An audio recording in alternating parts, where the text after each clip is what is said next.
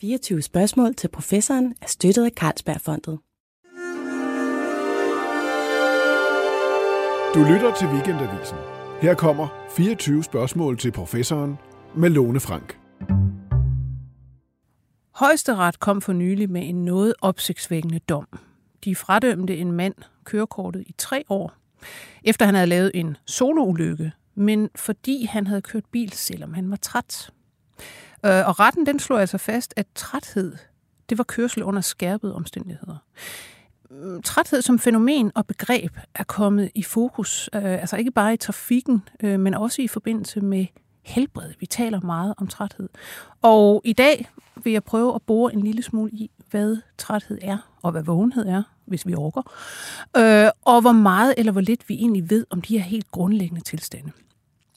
Det vil jeg gøre sammen med en ekspert. Velkommen til dig, Birgitte Rabeck Kornum. Tak skal du have. Du er søvnforsker og lektor ved KU. Ja. Og du har været herinde før, for nogle år siden, der talte jeg faktisk med dig om altså søvn og især drømme. Ja, Men nu, øh, nu går vi lige i en, i en anden retning her med, med trætheden.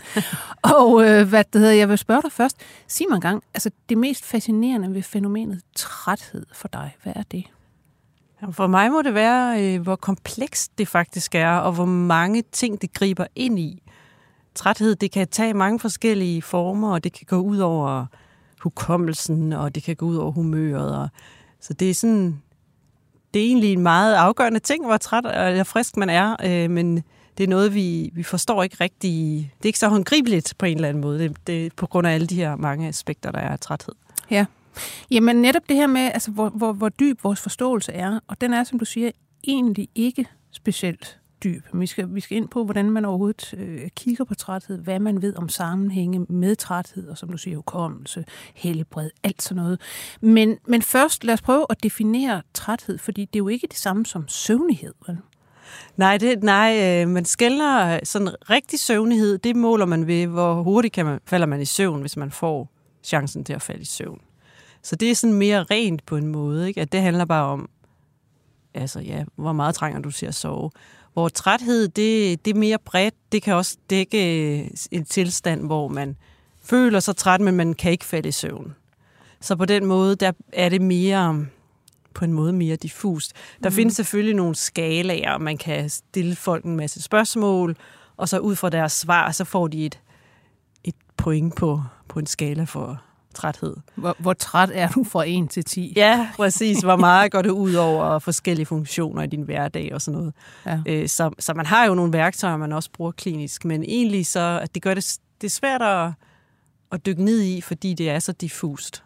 Men er det et, et emne, der også forskningsmæssigt er kommet mere i fokus efterhånden? Ja, absolut. Sammen med søvn og søvnighed øh, og træthed, så er det noget, der er kommet meget mere fokus på, og der er mange flere forskningsgrupper, der beskæftiger sig med det, hvilket også gør, at der er kommet meget ny viden de sidste 10 år omkring søvnregulering og de her forskellige mekanismer.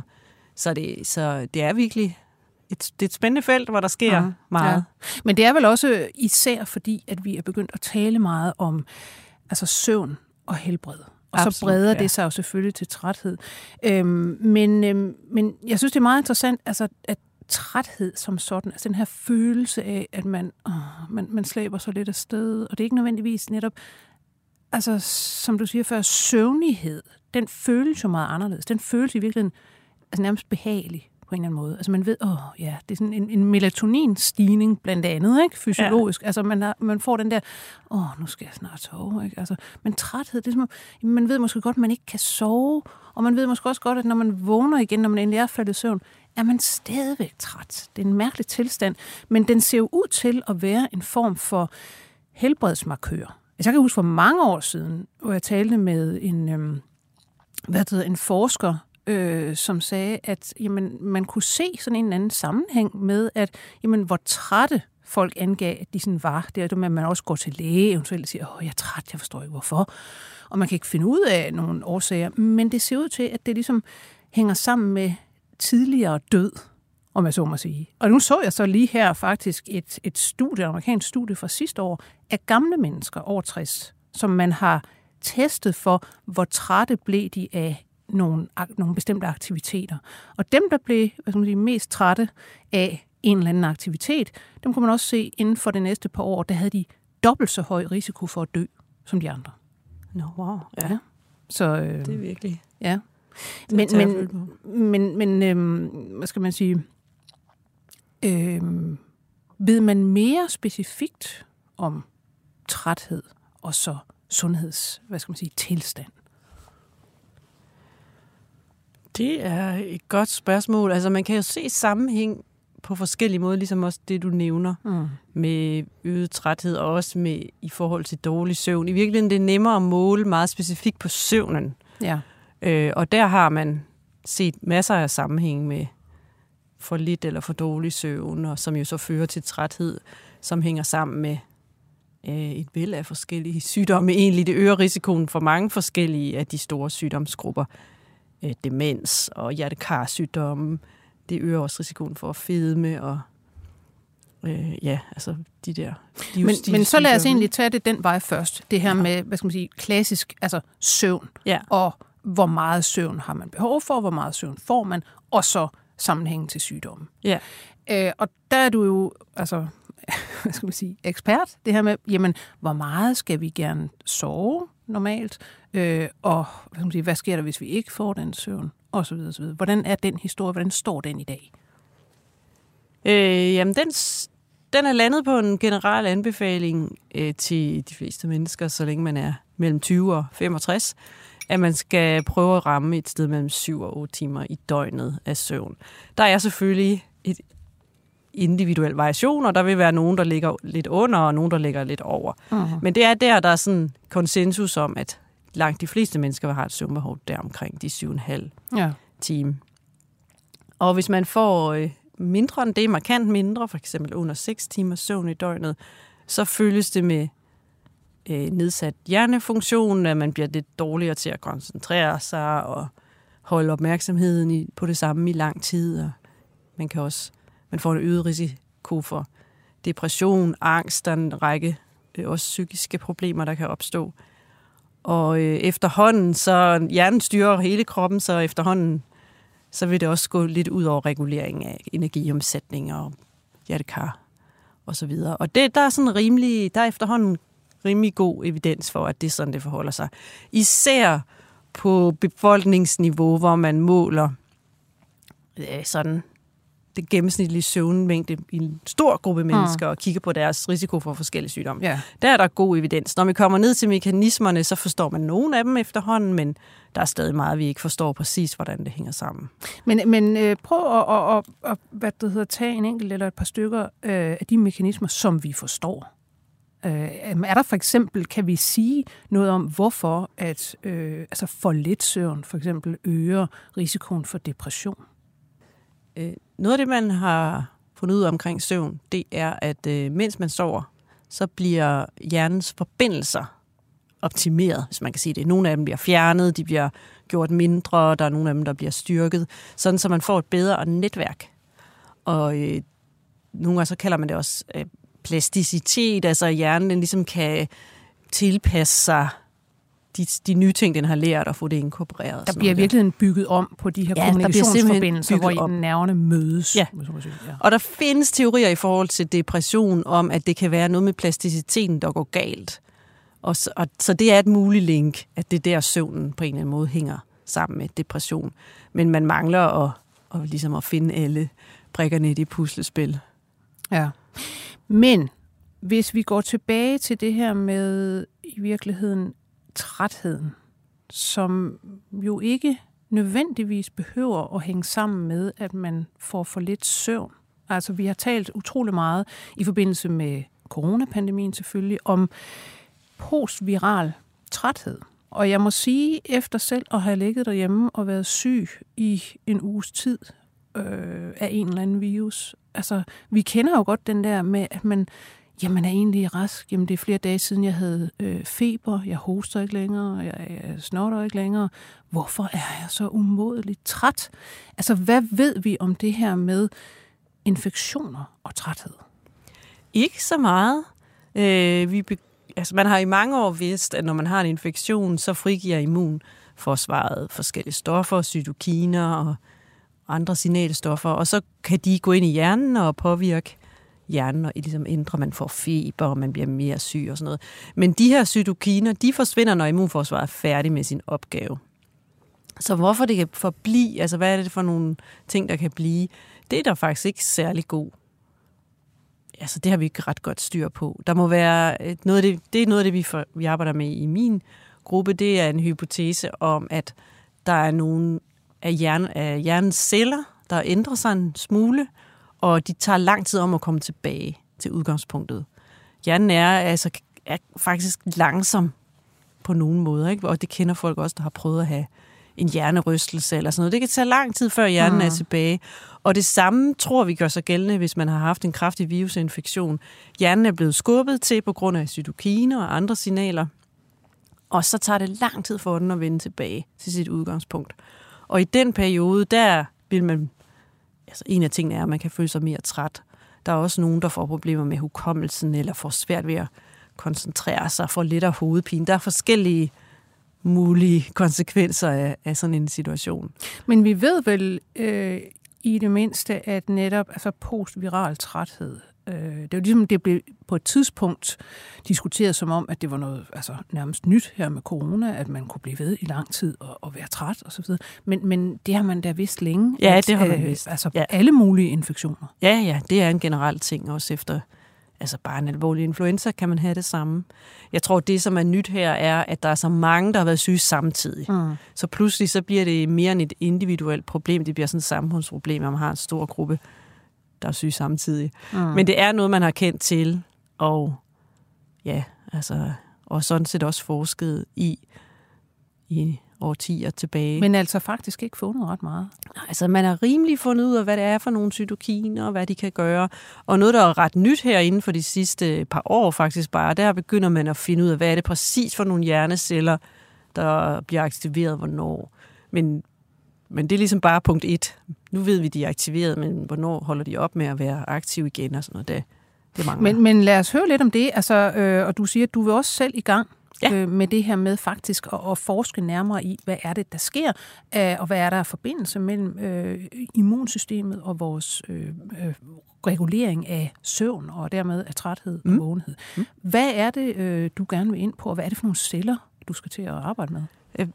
Vores fokus, det er hypotalamus, som er en hjerneregion, der regulerer balancen i kroppen, øh, hvis øh, man er sulten, så spiser man mere, og hvis man er tørstig, så drikker man. Og så det er den type altså det er balancer. Be- behovsregulering. Ja, præcis. Ja. Øh, og også, øh, jamen, også mere psykiske behov. Men så den er, sådan, den er vigtig for, at der skal er en balance i kroppen. Og den er også involveret i søvn, fordi hvis man er træt, så har man brug for at sove, i hvert fald hvis, hvis man er rask. Fungerer det jo fint på den måde, og når man har sovet nok, så vågner man igen. Øh, og så der er hypotalamus meget central, så derfor er det vores fokusområde. Og det vi så gør, det er, at vi tager nogle mus og giver dem influenza, mm. og så kigger vi på, hvad forandrer sig i hypotalamus, hvornår i sygdomsforløbet, hvor lang tid går der før, og tingene bliver normale igen, og kan vi prøve at finde ud af lidt mere præcis, hvad det egentlig er for nogle forandringer, der, der er så langvarige. Ja. Hvordan vil man egentlig gøre det? Altså, nu ved jeg ikke, hvor langt I er kommet. Vi er, indtil videre har vi undersøgt øh, musene, indtil de er blevet helt raske igen. Og der er der gået, de er raske efter cirka 14 dage med influenza, og så har vi gået øh, 10 dage længere frem. Og der kan vi stadigvæk se en hel del forandringer.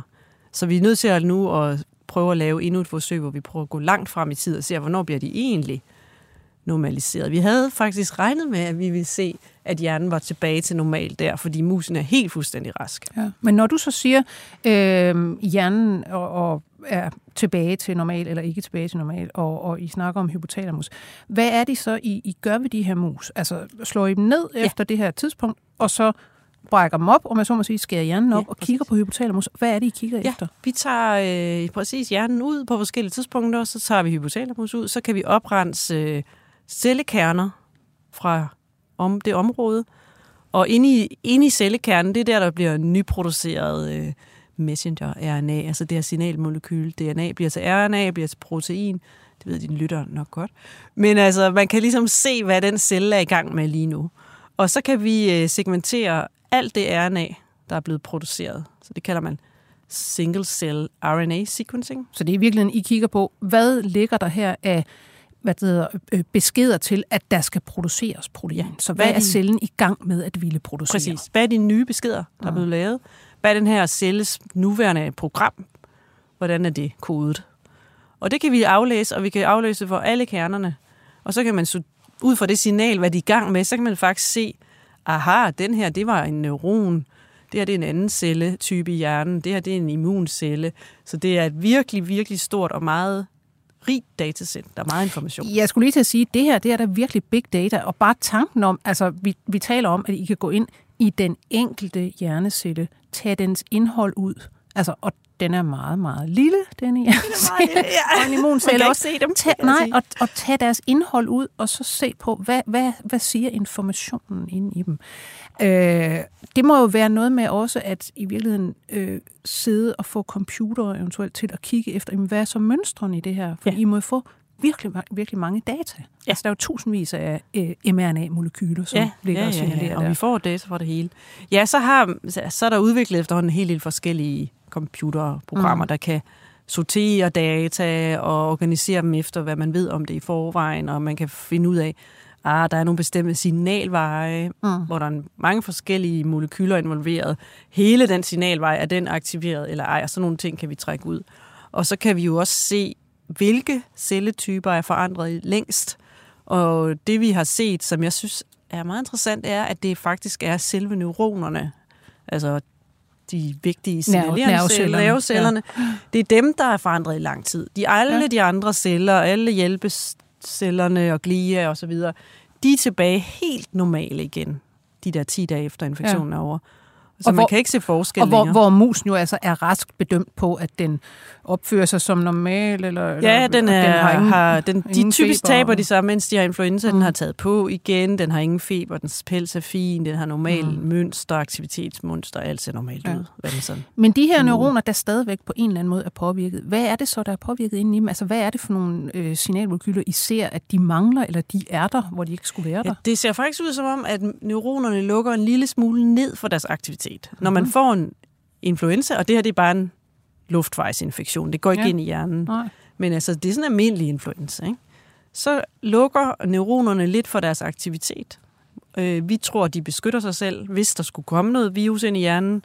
De andre celler skifter også funktion. De går sådan lidt mere high alert.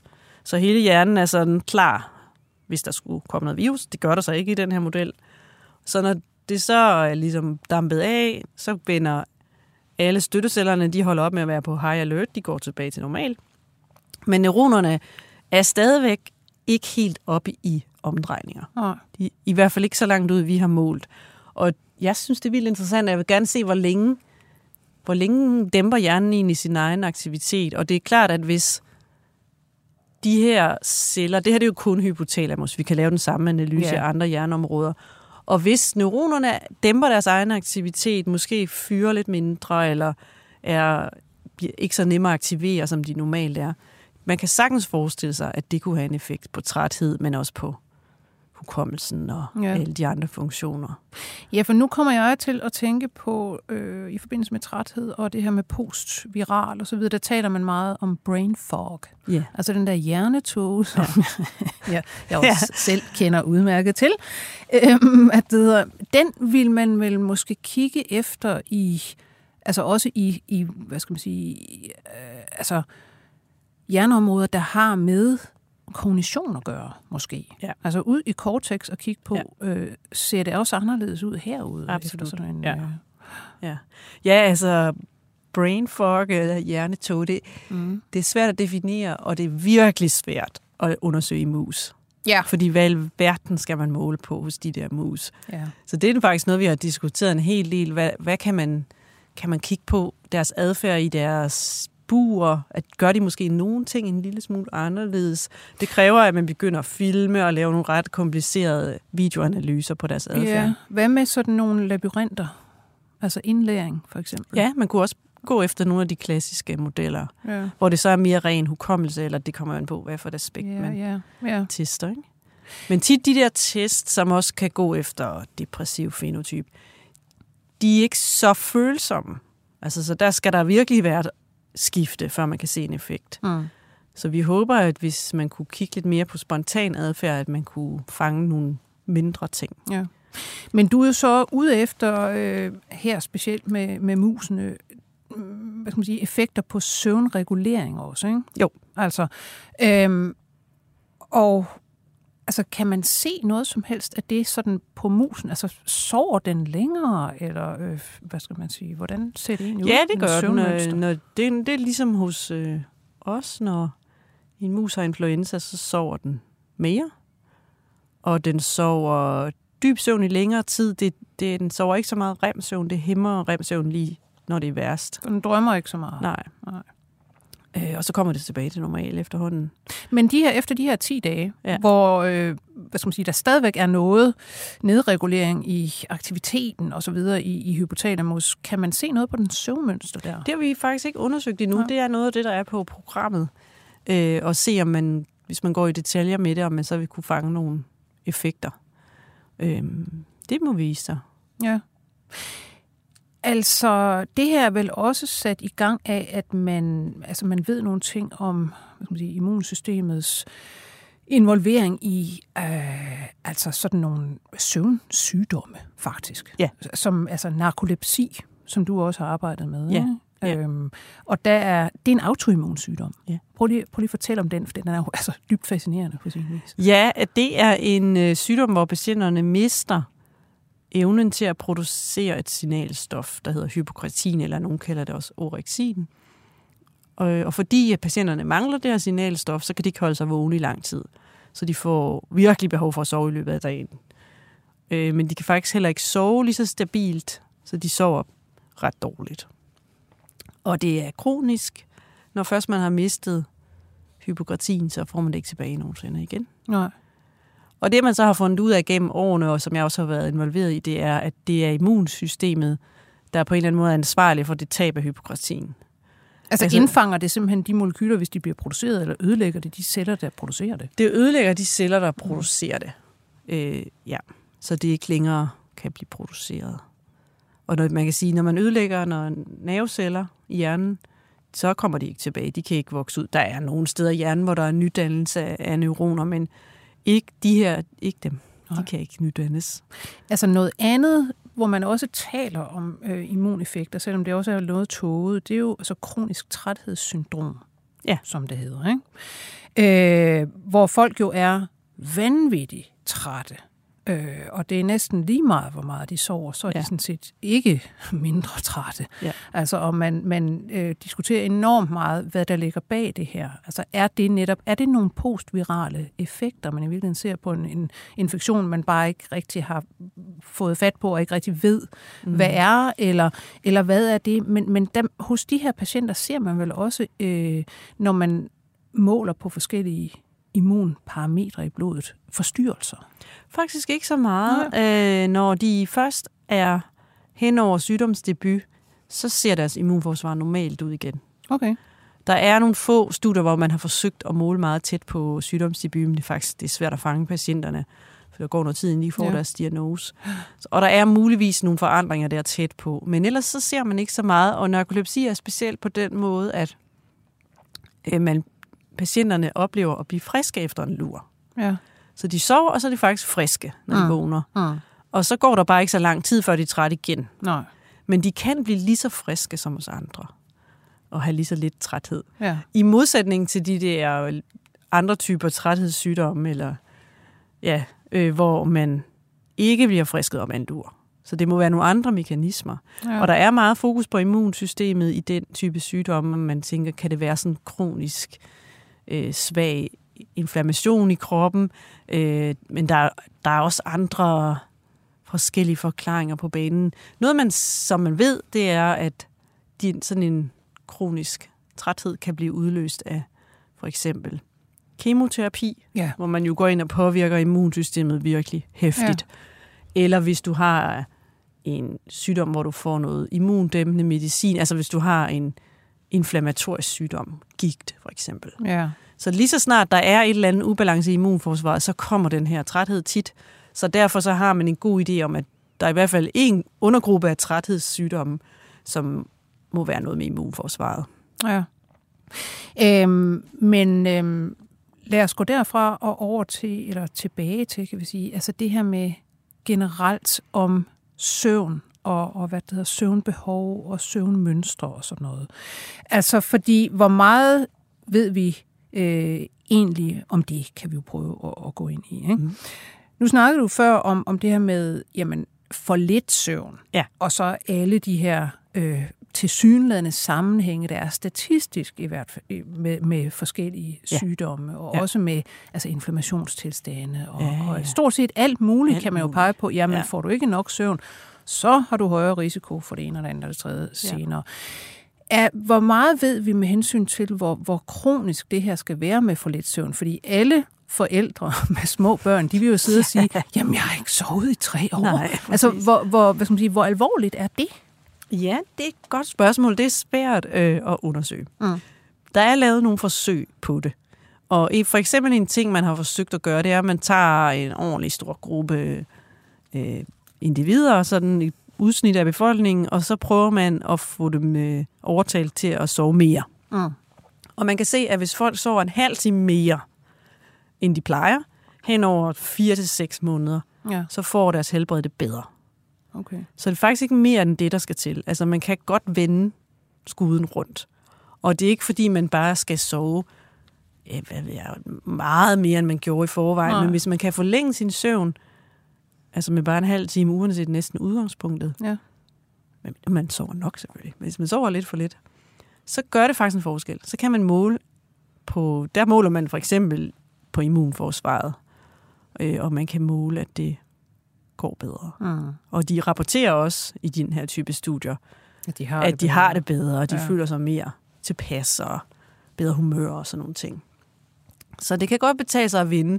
Så har man selvfølgelig prøvet at kigge på sådan nogle, hvis man har sovet for lidt som ung, kan man så følge en kohorte af mennesker ja. over tid, og hvad hvis nogen sover for lidt, men senere sover nok, og så videre. Ja. Og det ser ud til, at det kan godt betale sig at vinde, men det er ikke sikkert, at man kan indhente alt, hvis du har i en lang periode har sovet for lidt i dit liv.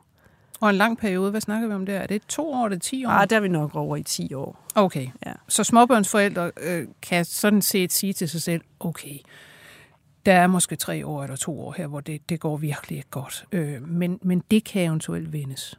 Ja, det kan de sige, helt sikkert. Og det er jo ja. ens forældre. Det er jo derfor, det også gør det svært øh, at studere det. Mm. Fordi der er en del positive effekter af at Altså, man have en familie og bo sammen ja. med nogen, som smitter positivt af på helbredet. Ja. Så det er svært at finde en god kontrolgruppe for det ja. forsøg der, ikke? Ja, fordi kontrolgruppen skulle være sådan nogen som mig, der ikke har børn og aldrig har haft det, og derfor altid har sovet dejligt. Ja.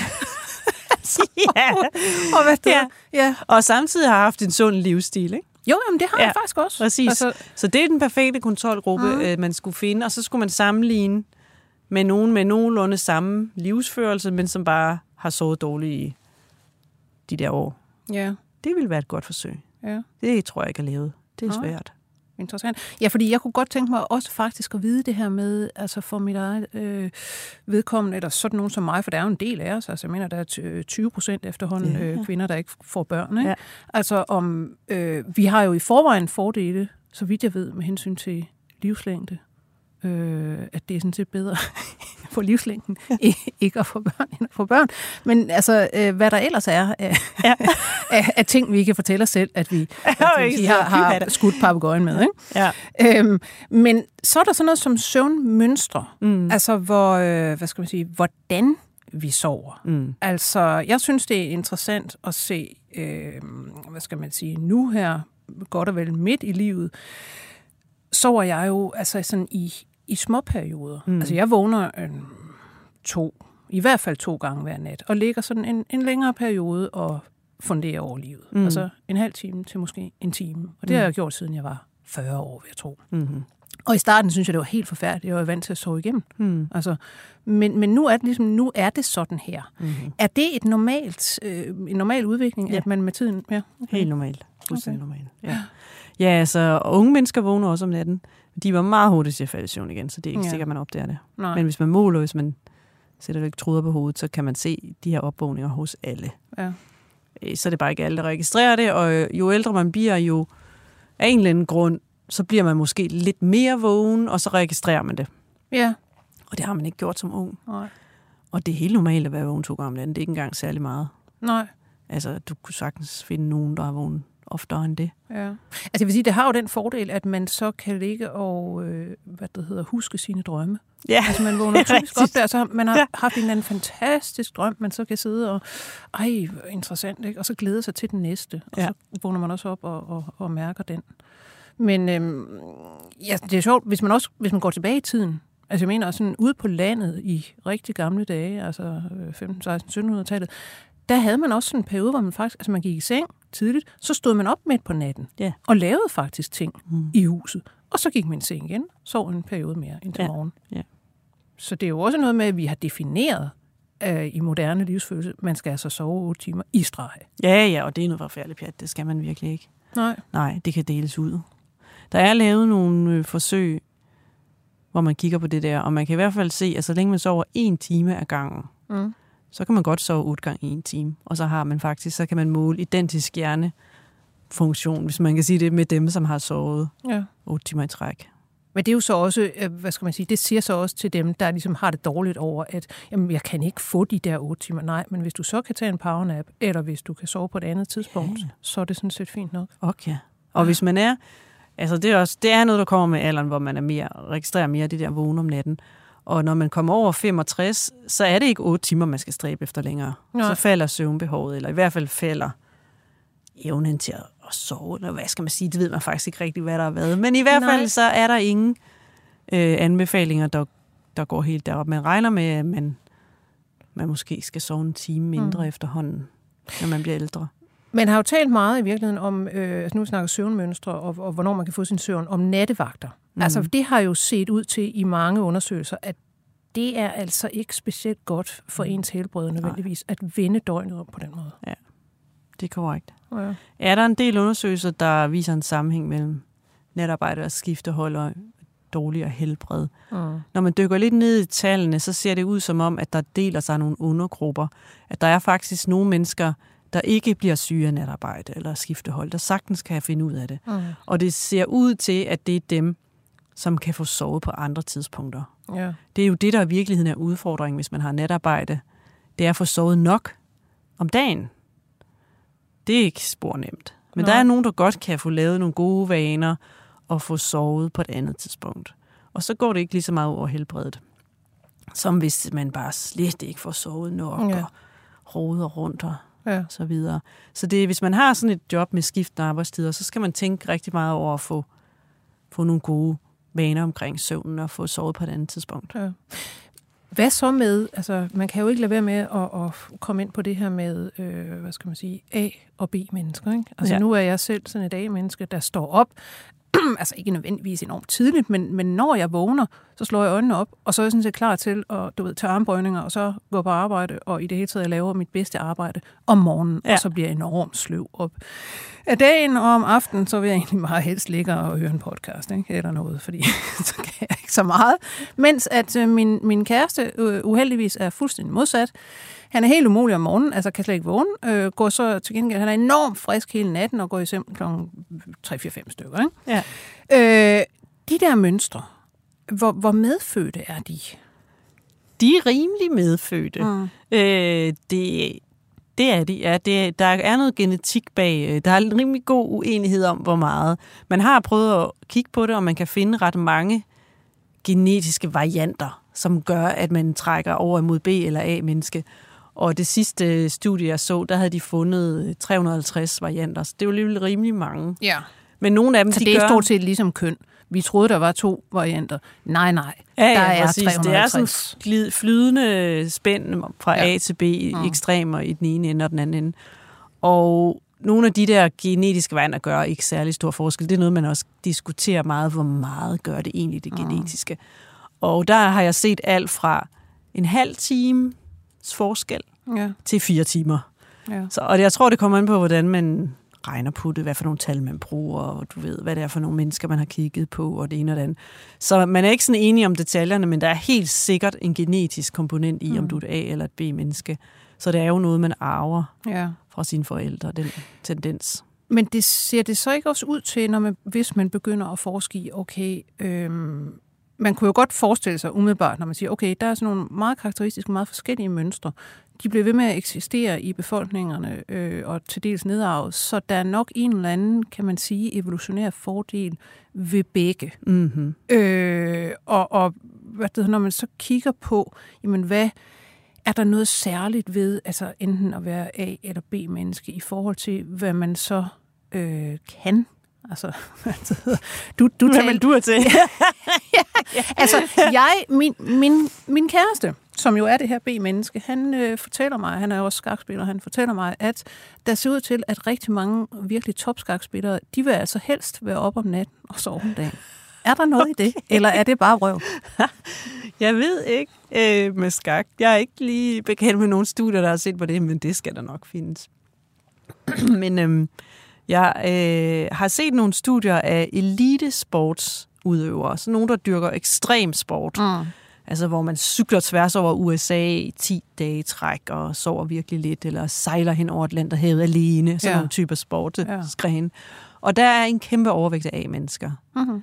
Der er, det, det ser ud til, at der er nærmest 0 B-mennesker, der ja. dyrker det på helt topplan.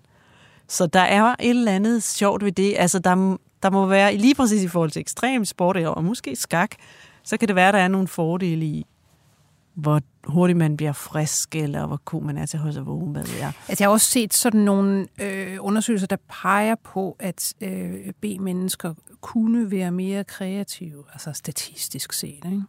Men øh, altså, nærmere ja, jeg har også set, det. Nej, altså der er også nogle undersøgelser, der tyder på, at hvis man har meget remsøvn, mm så er man mere kreativ. Og remsøvn har man jo øh, mest af sidst på natten. Ja. Så det kan også være, at der i virkeligheden er en fordel af at sove en lille smule længe, fordi så har man mere ja. remsøvn, og så er man mere kreativ, jeg ved det ikke. Men, det, men sådan nogle ting er svære, fordi det kan jo også være helt tilfældige. Mm øh, parallelle men, processer. Men når du siger det der, så spørger man jo nødvendigvis om øh, med det samme. Skulle vi så egentlig ikke, var det ikke bedre at skubbe vores arbejdsdag så? Så vi alle sammen kunne få en lille smule mere remsøvn? Nej, hmm. altså hvis du er sådan rigtig udpræget af menneske, så er det bedre at gå tidligere i seng. Okay. Fordi så vil du nå slutningen af din søvnperiode, inden du skal op. Hmm. Så jeg vil ikke sige, at det er ubetinget en fordel at skubbe arbejdsdagen for nogen.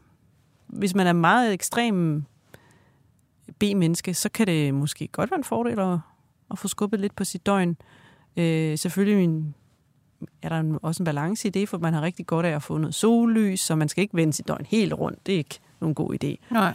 Men altså inden for rimelighedens grænser, skub det lidt den ene eller den anden vej, øh, hvor man stadigvæk kommer ud og får noget øh, dagslys der midt på dagen så kan det godt være mm. en fordel.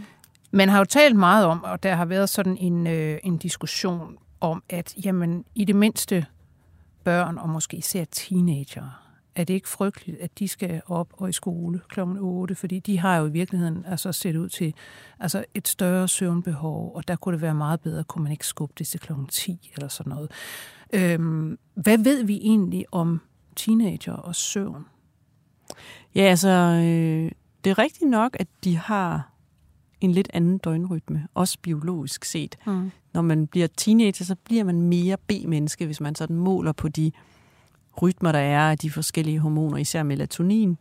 Så bliver det frigivet senere om natten hos teenager. Det topper senere, og det daler mm. ja. senere om morgenen. Så de er lidt forskudt i deres biologi. Så det gør, at de har svært ved at falde i søvn om aftenen. Sværere end da de var børn. Ja og sværere end de får, når de bliver ældre, når rytmen rykker tilbage på plads. Øh, og så har de så, fordi de har svært ved at falde i søvn, så vil mange af dem i virkeligheden få sovet lidt for lidt, når de skal nå op i skole til kl. 8. Ja. Så det er det, der er argumentet for at skulle rykke deres, lige præcis teenagernes mødetid. Det er, at de vil, de vil passe bedre til deres indre biologi, ja. hvis de kunne få lov at gå i seng lidt senere, og så vente med at stå op. Så gymnasier kunne godt starte kl. 10? Gymnasier. Mm. Eller bare kl. 9. Ja. Øh, det, det gør en forskel bare med den ene time der, og det kan godt være, det er mere lade sig gøre lidt, end at begynde at flytte det mere end det. Så det, det, er, det er jeg fortaler for, og det er specifikt teenagerne, det er ikke de små børn. Nej. Og det er ikke, når man bliver over 20, så rykker hormonerne tilbage, hvor, hvor de kom fra, og så er man tilbage på sin... På sporet. ja, på, hvis man er A, så er man tilbage som A-menneske, eller mellem, ja. eller hvor man nu ligger på skalaen. Ikke? Jo. Så det er nogle år der, hvor det er lidt en udfordring at følge alle vores andres rytmer. Altså, der ved man jo også noget om, der ser det ud som om, at, at søvn og psykisk sygdom har nogle øh, hvad det hedder, sammenhænge for de her teenager. Ikke? Ja, absolut. Ja, det har man set en del undersøgelser, at teenager, der, altså, der selv rapporterer, at de sover for lidt, de har en større risiko for at udvikle depression og angst. Så det er, hvor man følger børn, altså faktisk fra før de bliver teenager, mm. øh, så følger man dem hen over år og spørger hver år, hvor mange timer sover du ja. cirka hver dag, og så skriver de selv, hvad de sover. Og så kan man se efterhånden, at dem, der sover mindst i en årrække, det er dem, der har større, størst risiko for at udvikle psykiske problemer. Du skal jo selv til at forske i, at det, det er så teenage mus, ja, forstår jeg. det er korrekt. Ja, vi, vi øh, vil prøve at se, om ikke vi kan forstå mekanismerne bag det her lidt bedre.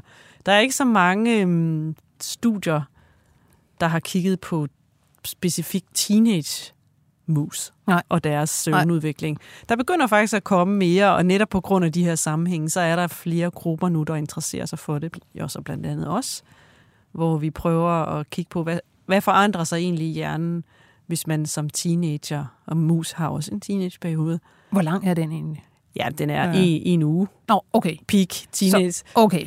To, to, tre uger, så, så der er sådan et spænd der på en to-tre uger, man skal fange dem inden for det. Okay, det, det er et lille vindue. Ja, ja, men til gengæld rimelig til at finde ud af, fordi vi ved præcis, hvornår de blev født og så videre. Ja. Og så kan vi forstyrre deres søvn, og så prøver vi at måle på, hvad der sker. Og indtil videre er vi ikke så langt med projektet, men vi kan se, at det ser faktisk ud til, at de ændrer lidt i deres adfærdsmønstre, dem der har sovet for lidt. Lang tid.